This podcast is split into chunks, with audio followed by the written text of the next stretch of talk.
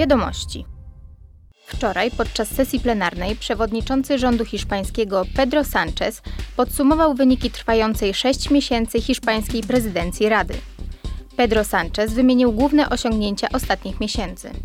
Skomentował też doniesienia ze szczytu klimatycznego COP28 w Dubaju.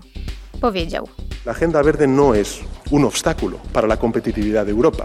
Zielony program działań nie jest przeszkodą dla konkurencyjności Europy. To jej największa nadzieja. Dlatego powinniśmy cieszyć się, że podczas hiszpańskiej prezydencji Unia podjęła bardzo ważne kroki w tej dziedzinie. Osiągnęliśmy porozumienia w sprawie ograniczenia emisji gazów przemysłowych, które zanieczyszczają środowisko.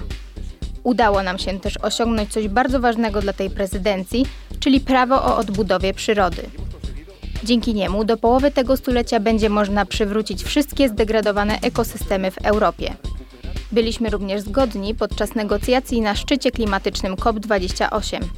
Dziś na tej konferencji ogłoszono definitywną rezygnację z paliw kopalnych lub przynajmniej stopniowe odchodzenie od nich. Uważam, że to jedna z najlepszych wiadomości, jakie mogliśmy otrzymać z Dubaju w ciągu ostatnich kilku dni. que creo que es una de las mejores noticias que podíamos haber recibido desde Dubái en estos últimos, en estos últimos días. Priorytetami hiszpańskiej prezydencji była reindustrializacja Unii Europejskiej oraz większa niezależność jej działania w sprawach o znaczeniu strategicznym. Inne cele to przyspieszenie zielonej transformacji i adaptacji środowiskowej oraz wspieranie większej sprawiedliwości społecznej i gospodarczej. Prezydencja hiszpańska chciała też wzmocnić jedność Europy.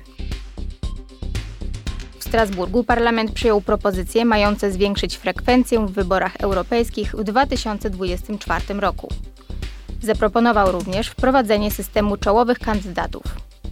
Posłowie domagają się wyraźnego związku między tym, na kogo zagłosują wyborcy, a tym, kto zostanie przewodniczącym komisji.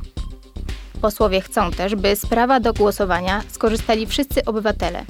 W związku z tym państwa członkowskie powinny wprowadzić rozwiązania, które umożliwią osobom z niepełnosprawnościami łatwiejszy dostęp do lokali wyborczych. Posłowie chcą też zachęcić do głosowania konkretne kategorie obywateli, np. osoby mieszkające w innym państwie członkowskim lub w państwie poza Unią, czy osoby bezdomne. Negocjatorzy z Parlamentu i Rady osiągnęli wczoraj rano porozumienia w sprawie projektu przepisów, które mają poprawić warunki pracy pracowników platform internetowych. Efektem tej współpracy jest dyrektywa o pracy za pośrednictwem platform internetowych. Zagwarantuje ona prawidłową klasyfikację statusu zatrudnienia pracowników platform. Są to też pierwsze w historii Unii przepisy o zarządzaniu algorytmicznym i sztucznej inteligencji w miejscu pracy. Obecnie ponad 5 milionów osób, które wykonują tego typu pracę, może być błędnie uznanych jako samozatrudnione. Osobom tym nie przysługują ważne prawa pracownicze ani ochrona socjalna.